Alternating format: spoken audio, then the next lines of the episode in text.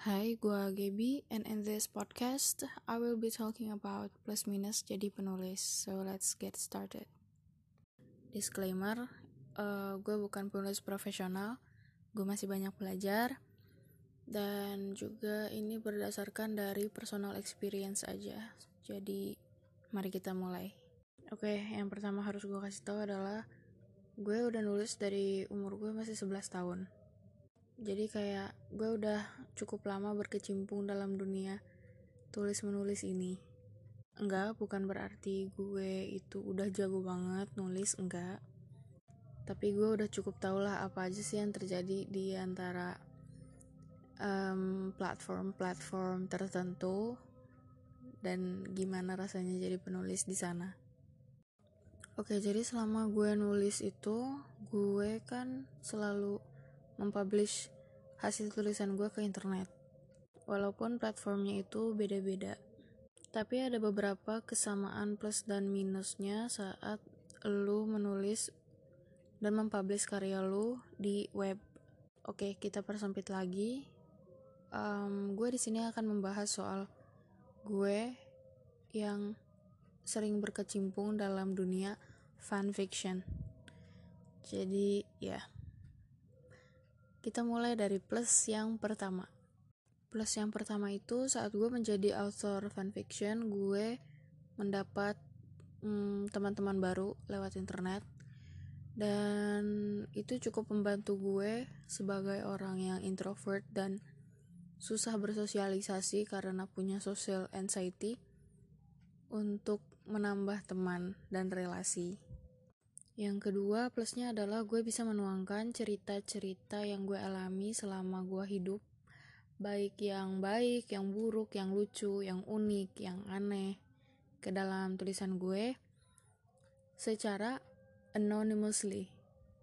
Oke, yang ketiga juga plusnya adalah nggak jarang cerita gue itu uh, membantu pembaca-pembaca gue yang kebetulan sedang menghadapi hal yang sama atau problem yang sama kayak yang cerita gue bawakan dan mereka tuh misalnya nggak tahu harus bereaksi seperti apa harus menyelesaikan masalah itu seperti apa. Nah gue dan cerita gue membawa seperti sudut pandang lain bagi mereka.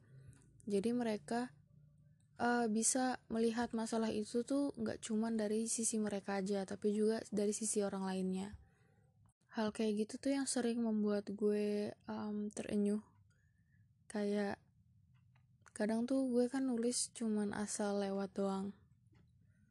Oh gue mau bawain soal topik ini dan segala macam. Eh ternyata ada beberapa orang yang emang butuh untuk dalam tanda kutip disadarkan terus mereka membaca itu terus mereka merasa bersyukur gue membahas hal itu dan abis mereka baca itu mereka biasanya nge DM gue soal um, terima kasihnya mereka dan how they appreciate my my my writing.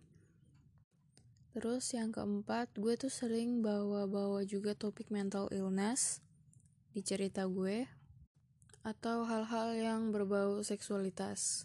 Dan saat ada pembaca yang nge-DM gue soal bagaimana mereka pandangannya jadi lebih luas dan lebih open-minded setelah membaca cerita gue dan membaca dari sisi lain suatu masalah, itu juga sangat membuat gue seneng sih, karena setidaknya gue membantu mereka untuk uh, lebih terbuka jadi orang dan lebih um, lebih baik lebih open mind dan tidak judgmental oke sekarang kita masuk ke minus minus yang gue alami selama jadi penulis.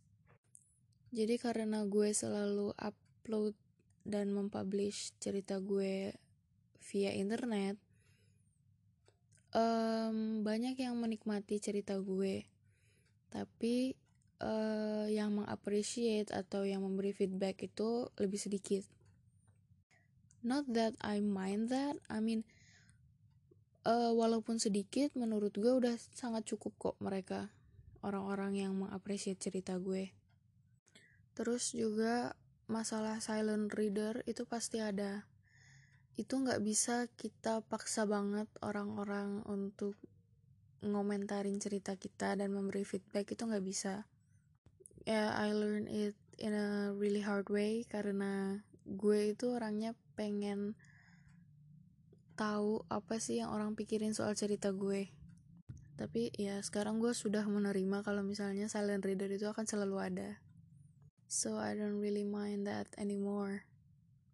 Minusnya juga um, saat lu mempublish cerita lu di internet ya nggak semuanya bisa jadi profit ini gue nggak tahu sih ini masuk ke plus atau minus tapi please keep in mind untuk orang-orang yang nulis um, hanya untuk profit jangan kalian nulis dan publish itu di internet atau di platform online.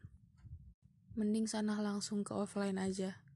Karena kita itu yang penulis-penulis online biasanya menulis hanya untuk kesenangan belaka. Jadi minusnya ya untuk kalian yang pengen dapat profit lewat nulis online, jadi content writer aja atau emang kerja. Jangan nulis cerita dan langsung berharap pengen bisa dapat profit.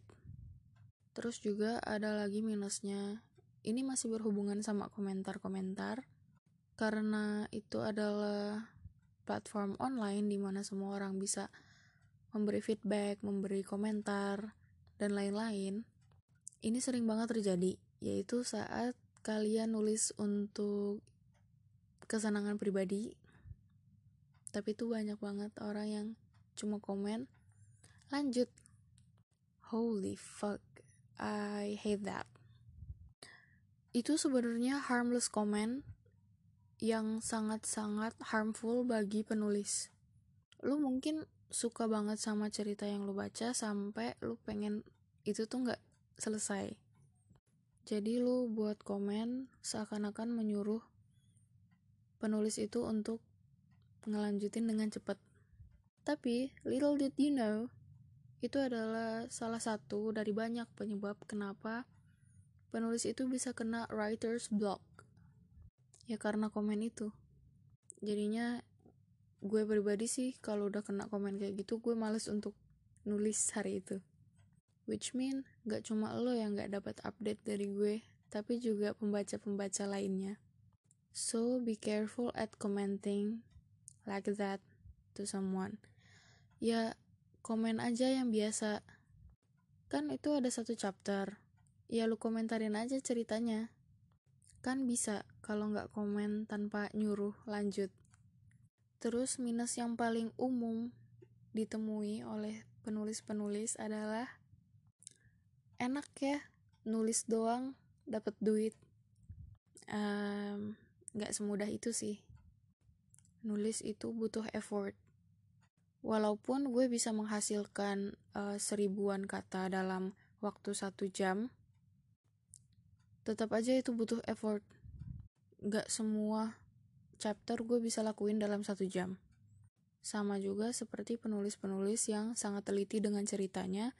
Jadi satu chapter yang dia buat itu butuh waktu mungkin sampai berminggu-minggu atau berbulan-bulan.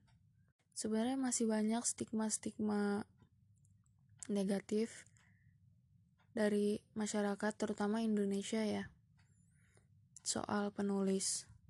But I'm not going to talk about it in this podcast. Perhaps I'll go continue it on another podcast later. I don't know. So yeah, I'll end this podcast here. Thank you for listening.